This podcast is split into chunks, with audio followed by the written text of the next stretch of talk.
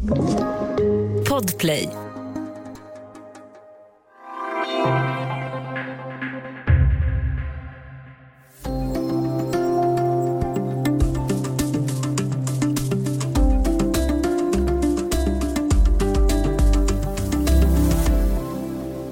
Today the crown passes, as it has done for more than a thousand years, to our new monarch, our new head of state, His Majesty King Charles III.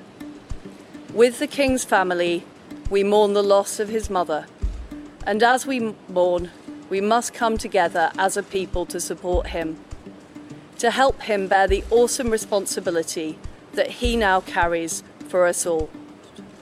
By saying the words, God save the King. Ja, här hörde vi Storbritanniens nya premiärminister Liz Truss som säger att kronan nu lämnas över som den har gjort i över tusen år och att folket måste enas och stötta den nya kungen Charles III i hans uppdrag. Kung Charles har alltså tagit över tronen i Storbritannien efter att drottning Elizabeth avled på torsdags eftermiddagen. Och han är den tronarvinge som har väntat längst på att få ta över tronen och många frågar sig nu hur hans regenttid kommer att påverka monarkin. Du lyssnar på Studio DN idag med mig, Palmira Kokari Menga. Och nu har jag med mig Katrin Marsall, Dagens Nyheters medarbetare i London. Hej Katrin. Hej. Du var ju ute vid Buckingham Palace igår efter att beskedet kom. Hur är stämningen i Storbritannien nu? Lite surrealistisk. Igår var det chock. Jag gick precis förbi Piccadilly Circus när, strax efter att beskedet då blev offentligt och eh, den här berömda affischväggen i neon vid Piccadilly eh, Circus eh, ja, alla affischerna försvann och uppkom bara den här bilden av, av drottningen och beskedet om att hon hade gått bort. Och Då var det som att liksom hela rondellen stannade till och folk började gråta. Och, um, så det har varit speciell stämning. Det har också regnat väldigt mycket. Um, och um, ja, det är förstås slutet på en era och många britter som uh, funderar mycket kring, kring vad hon har betytt för dem och för, för landet idag. Mm. Eh, vi ska höra Nigel Pittock som var utanför Buckingham Palace igår kväll efter beskedet. Very shocked and very sad, really. Um, and it still hasn't quite sunk in to know that she's passed away. The Queen's been present all my life, really. Um, so um, I, I think she just was the essence of the UK. She just showed the UK in such a perfect light. She was greatly admired and, and loved around the world. and she was just a real rock for which the nation could could, could look toward really. Ja, han säger här att han är chockad och väldigt ledsen och att det fortfarande inte riktigt har sjunkit in än att hon har gått bort och att hon var kärnan i Storbritannien och, och som en, som en eh, klippa som många kunde luta sig emot. Um, ehm, vad tänker du när du hör honom här? Nej, att det är nog väldigt representativt för hur, eh, hur många britter eh, känner. Samtidigt så var det, det kom ju inte som en chock. Jag tror att dels prins Philips död här om, här om året gjorde nog många medvetna om att även drottningen skulle, skulle försvinna en dag. Det blev liksom konkret på ett sätt. Och sen eh, det här firandet i, i, i, juni av hennes jubileum på, på tronen. Och det blev inte den typen av firande som man riktigt hade tänkt sig, just för att huvudpersonen var så uppenbart skör och kunde inte delta i, i stora delar. Men det är klart det här att hon svär in en ny premiärminister och två dagar senare är hon, är hon borta. Den biten är nog eh, många, ja, det, det är svårt att ta in tror jag. Mm. Um, och hur tror man liksom att det kommer att bli, den här övergången till, till den nya eran som, som då tar vid nu? Ja, den har ju, precis som vi hörde premiärminister Truss den har ju redan skett i formell bemärkelse. Det, är ju, det sker ju automatiskt en monark dör och då tar, tar nästa vid. Men det är ju lite formalia som, som krävs nu. Idag ska, ska då kung Charles den, den tredje tala till, till folket och sen så ska det som då kallas för the Privy Council, eh, de ska träffas i morgon i St. James Palace här, en liten bit från där jag sitter. Um, och då, då är det så att säga, började bli mer och mer formellt det här och sen måste det fattas beslut kring kröning och det är andra saker. Det är ju konkreta saker. Eh, pengarna, sedlar, mynt. Allting har drottning Elizabeth uh, på sig. Det ska bli nu uh, kung Charles den tredje på, på dessa, även på frimärkena. Hon har haft profil åt ena hållet, då är det tradition att nästa monark måste ha profilen åt andra hållet. Uh, så det är den, den typen av, av saker också. Monarkin är ju väldigt, väldigt närvarande på, på det sättet i, i vardagen.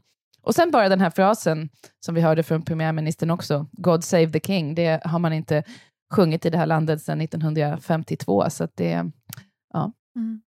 Och, och hur ställer sig det brittiska folket, tror man, till att Charles den tredje numera är kung? Ja, det är ju den stora frågan. Och eh, för drottning Elisabeth II så var det ju väldigt viktigt framför allt att då säkra monarkins fortlevnad eh, ut, äh, bortom sin egen person. Hon var ju själv väldigt populär. Inte alltid, det fanns ju svåra äh, stunder och äh, många dåliga tidningsrubriker under hennes, hennes regeringstid också naturligtvis, men de sista decennierna har hennes ställning varit väldigt stark. däremot så är ju ehm, Charles, kung Charles III, hans personliga popularitet är ju inte i, i närheten av hennes och det är nog många som som inte känner på samma sätt för honom som för, för drottning Elizabeth. Och det där är ju en, en utmaning. Mm.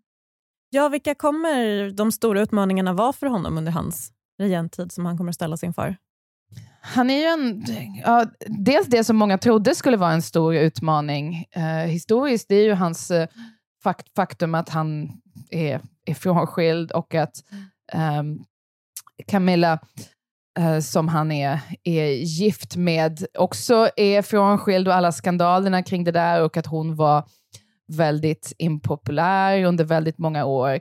Det är faktiskt inte ett problem på samma sätt, utan det hon, har, eh, hon har blivit en väldigt älskad del av, av kungafamiljen och eh, drottningen har då eh, fattade beslut ja, det var bara under det senaste året att hon skulle då få en titel som the King Consort och, och, så vidare och hoppades att hon skulle tilltalas som Queen också i, i framtiden. Så det där som kanske för 20 år sedan många hade lyft fram som ett jättestort problem e-, är nog inte det. Däremot eh, andra saker, han är ju en person som är ganska annorlunda från sin mor, inte minst i att han är väldigt frispråkig gällande politiska frågor, har väldigt mycket åsikter om allt från ja, men det var bara för någon månad sedan då, han, då det läckte till media att han hade pratat om de eh, brittiska utvisningarna av flyktingar till Rwanda, något som vi pratade om här i podden också, och att han hade kallat dem förfärliga. Och Det kan man ju kanske hålla med om, men eh, så ska man inte uttala sig som kronprins och man ska absolut inte uttala sig så som, som kung. Och Det här var bara några, några månader sedan, så det finns ju en oro för att han inte så att säga kommer eh, kunna hålla tyst. Mm. Um, på vilka andra sätt så tror man att han, om det nu blir så att hans eh, regenttid kommer att skilja sig från, från Queen Elizabeth den andras? Hon var ju en, en person som kanske, eller hon moderniserade ju kungahuset i väldigt hög grad och det är kanske inte riktigt så vi är vana att se på henne från, utifrån de senaste decennierna, men om man tittar på hela hennes regenttid och hon släppte in media och öppnade upp Buckingham Palace och Windsor Castle och um, förändrade hur kungahuset opererar. Hon gick ut på 90-talet och sa att hon skulle börja betala inkomstskatt, saker och ting som tidigare var otänkbara. Så hon har ju verkligen varit någon som har, har moderniserat och det är en, en fråga förstås om, om Charles, eh, kung Charles III kommer fortsätta den den resan eller inte. Det är just nu väldigt, väldigt oklart, trots att det här är en person som har varit förstås i offentligheten hela sitt liv och som har väntat på att ta det här jobbet och som alla har vetat kommer att ta det här jobbet eller den här rollen i, i många decennier. Så är det, det är fortfarande oklart hur, hur han riktigt kommer, kommer agera förstås. Så det är mycket osäkerhet kring det i ett generellt osäkert läge för Storbritannien. Mm. Det är fortfarande väldigt tidigt. När vi spelar in det här så har det inte ens gått 24 timmar än eh, sedan beskedet kom att Elisabeth II hade gått bort. Men eh, hör man några kritiska röster till, kring eller mot monarkin än i Storbritannien? Um, inte så jättemycket än i, i Storbritannien. Uh, det, är, det, det, som diskuteras är ju kopplat till samväldet och så att säga det koloniala arvet och det har ju även de senaste åren varit en diskussion kring kring finns det institutionell rasism i det brittiska kungahuset? Och det här har varit en väldigt stor fråga. Man måste komma ihåg att eh, Storbritannien, 15 procent av, av britterna är, är, inte vita, så att säga. Det här är liksom ett mångkulturellt samhälle på alla sätt. Så den typen av, av röster hördes, det var även den typen av analyser lite i amerikansk press såg jag. Och tonläget här i Storbritannien är förstås mer ja, eh, fokuserat på respekt för drottningen och hennes gärning just nu. Men det där kommer ju komma och det finns ju många frågor i, kring allt det där och, och framtiden. Både för, för Storbritannien som land och för, för samväldet och hur man ser på sin egen historia. Men ren republikanism, alltså det var ju lite, lite lustigt ändå, eh, premiärminister Liz Truss, hon är ju gammal eh, republikan, hon var ju mot monarkin som, som ung och nu står hon, eh, utan, fann hon sig själv utanför Downing Street eh, 10, mm, den som då första gången ska säga God save the king till, till folket. Um, så det är också intressant. Mm. Vi ska ta en kort paus och sen prata vidare om den brittiska monarkins framtid med kung Charles vid tronen.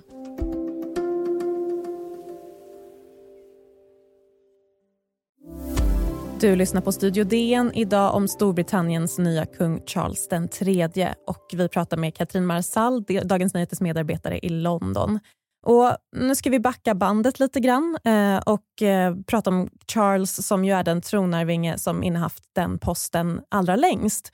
Hur har hans liv sett ut fram tills den, det ögonblicket nu när han äntligen har blivit kung? Det är förstås en märklig sak att i decennier förbereda sig på ett jobb som du då får höra är någonstans meningen med din existens samtidigt som enda sättet att få det här jobbet är att din mor går och dör. Ehm, det är klart att det är, ett, det är ett märkligt liv, tror jag, skulle de flesta tycka. Och det, det har ju varit fullt av, av kontroverser. Alla känner nog till det som har att göra med hans eh, privatliv och äktenskapet med eh, Diana Spencer som, och skilsmässan och allt det där som nästan, det måste man nog säga faktiskt, krossade den, den brittiska monarkin. Um, men han, han har sina, sina intressen. Han är väldigt intresserad av eh, trädgårdar, av arkitektur, av um, islamsk konst, uh, av islam uh, generellt. Um, han är mycket mer, drottningen, drottning Elisabeth II var ju ingen som läste sådär jättemycket böcker, hon var ju väldigt plikttroget, läste, läste alla, alla papper som, um, som kom på hennes skrivbord varje dag och så vidare. Men han har mer, mer sådana intressen och ser sig själv som en filosof. Uh, och eh, ja, har ägnat sig åt, åt den typen av, av saker under stora delar av, av sitt, sitt liv hittills. Och, men sen har han tagit en större och större offentlig roll de, de senaste åren och inte minst har han varit väldigt central i att kungahuset engagerat sig för klimatomställningen på det sätt som de har gjort. Han är en person som har ett väldigt stort miljöintresse som går, går tillbaka så att säga långt. Och och det, där, det är en fråga som i början det var kontroversiellt att, att kungahuset eh, engagerade sig i, men, men har blivit mindre och mindre kontroversiellt i och med, med att debatten kring de här frågorna har flyttats. Så, och där har han varit viktig. Mm. Um, och, och, Tror man att han kommer fortsätta med liksom, den här typen av intressen som han har haft som engagemanget i klimatfrågan eller, eller andra typer av, av engagemang som, som eh, hans mor Elisabeth II inte riktigt tog offentligt? Ja, det, det, är, där är den stora frågan. Uh, och Jag skulle nog säga att den fortfarande är öppen. Han har ju uppenbarligen haft väldigt många decennier på sig att fundera kring vilken sorts kung han vill ha. Uh, och Han sägs ju också vara envis, så han har nog bestämt sig antingen för att fortsätta mer i sin eh, mammas fotspår, då, som är det här väldigt opolitiska, eller om han då vill ta en, en annan riktning. Jag vågar inte säga någonting, men det finns en, det finns en oro bland bedömare att, att han kommer vilja ta en mer aktiv roll politiskt och vad det skulle kunna leda till för kriser. konstitutionellt och, och politiskt. Mm. Han har ju skrivit mycket brev till ministrar genom åren med åsikter och, och det där var ett, ett ganska stort politiskt problem ett tag. Mm. Um, och vi har varit inne på det här redan lite grann. Um, en fråga som har fått mycket uppmärksamhet de senaste åren är Storbritanniens koloniala arv. Uh, Charles III eh, har också blivit kung över 14 andra länder. Um, hur tror man att tronskiftet kommer att påverka det? Där tror man väl att det kommer fortsätta den process uh, som har varit på gång ganska länge. Alltså Barbados uh, bröt banden med det brittiska kungahuset här om åren. Det finns en stor diskussion om att göra samma sak på Jamaica. Och det är klart att ett tronskifte, det måste man nog säga, faktiskt snabbar på den utvecklingen, även om det nog inte ursäktar den, eller, eh, eller så att säga, orsakar den. Um, så det är väl en, en, liksom en, en rörelse som han kommer behöva hantera. Det var ju också efter prinsessan Dianas död um, fick ju kungahuset och inte minst drottningen väldigt mycket kritik för att inte då förstå det moderna Storbritannien, inte förstå de här känsloutbrottet på gatorna. Hon, drottning Elizabeth uppfattade sig som väldigt kall då och det här blev ett väldigt stort problem för hennes legitimitet som ledare.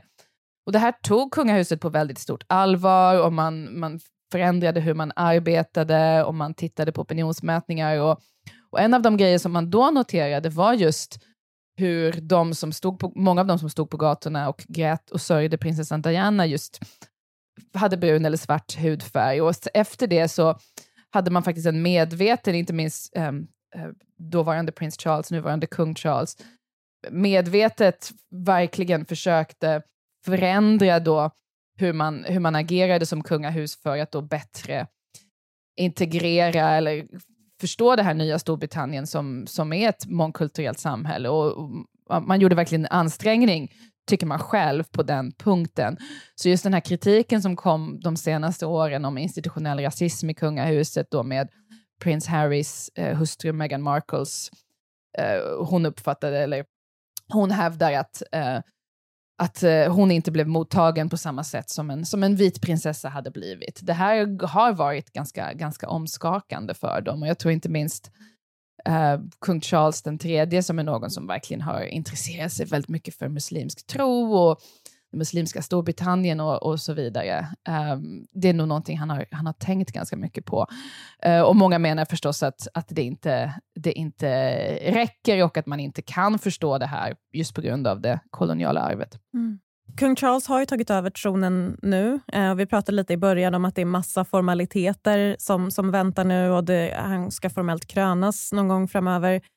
Vad väntar honom här nu, hans första tid som regent? Ja, nej, han ska först tala till, till, till folket och, eh, det ska, och sen är det ju mycket runt kröningen. Det är ju en, en stor sak. Och hur man ska göra den, det var ju länge sedan man krönte en, en monark, det var 1953. Um, ehm, och det kommer bli annorlunda den här gången, för att uh, det brittiska imperium som var väldigt närvarande i trupper och symboler och sånt som 1953 vid Elisabeths kröning finns inte på samma sätt. Hur ska man göra det? Hur ska man hantera... Det, han kommer ju bli eh, överhuvud för den brittiska anglikanska kyrkan också. Samtidigt är Storbritannien ett, ett, ett, idag ett land med liksom väldigt många religioner. Kommer man, ja, hur ska man så att säga hantera all den symboliken? Och allt det där kommer ju tolkas och övertolkas kring liksom vilken, vilken typ av regent kommer han att, han att vara. Men jag tror generellt att det, det här är nog en person som trots alla hans år i offentligheten, man ändå, många britter känner att de inte riktigt känner ändå. Det är ganska svårt att, att förutsäga och säga så här kommer han eh, välja att vara som, som monark, så vi får se. Mm. Det får vi. Tack så mycket Katrin Marsall, Dagens Nyheters medarbetare i London. Tack. Om du vill kontakta oss går det bra att mejla till studiodn och kom ihåg att prenumerera på Studio DN där du lyssnar på poddar så missar du inga avsnitt. Studio DN görs för Podplay av producent Sabina Marmulakai, ljudtekniker Patrik Miesenberger, teknik Jonas Lindskog på Bauer Media. Och jag heter Palmira Kokari Menga.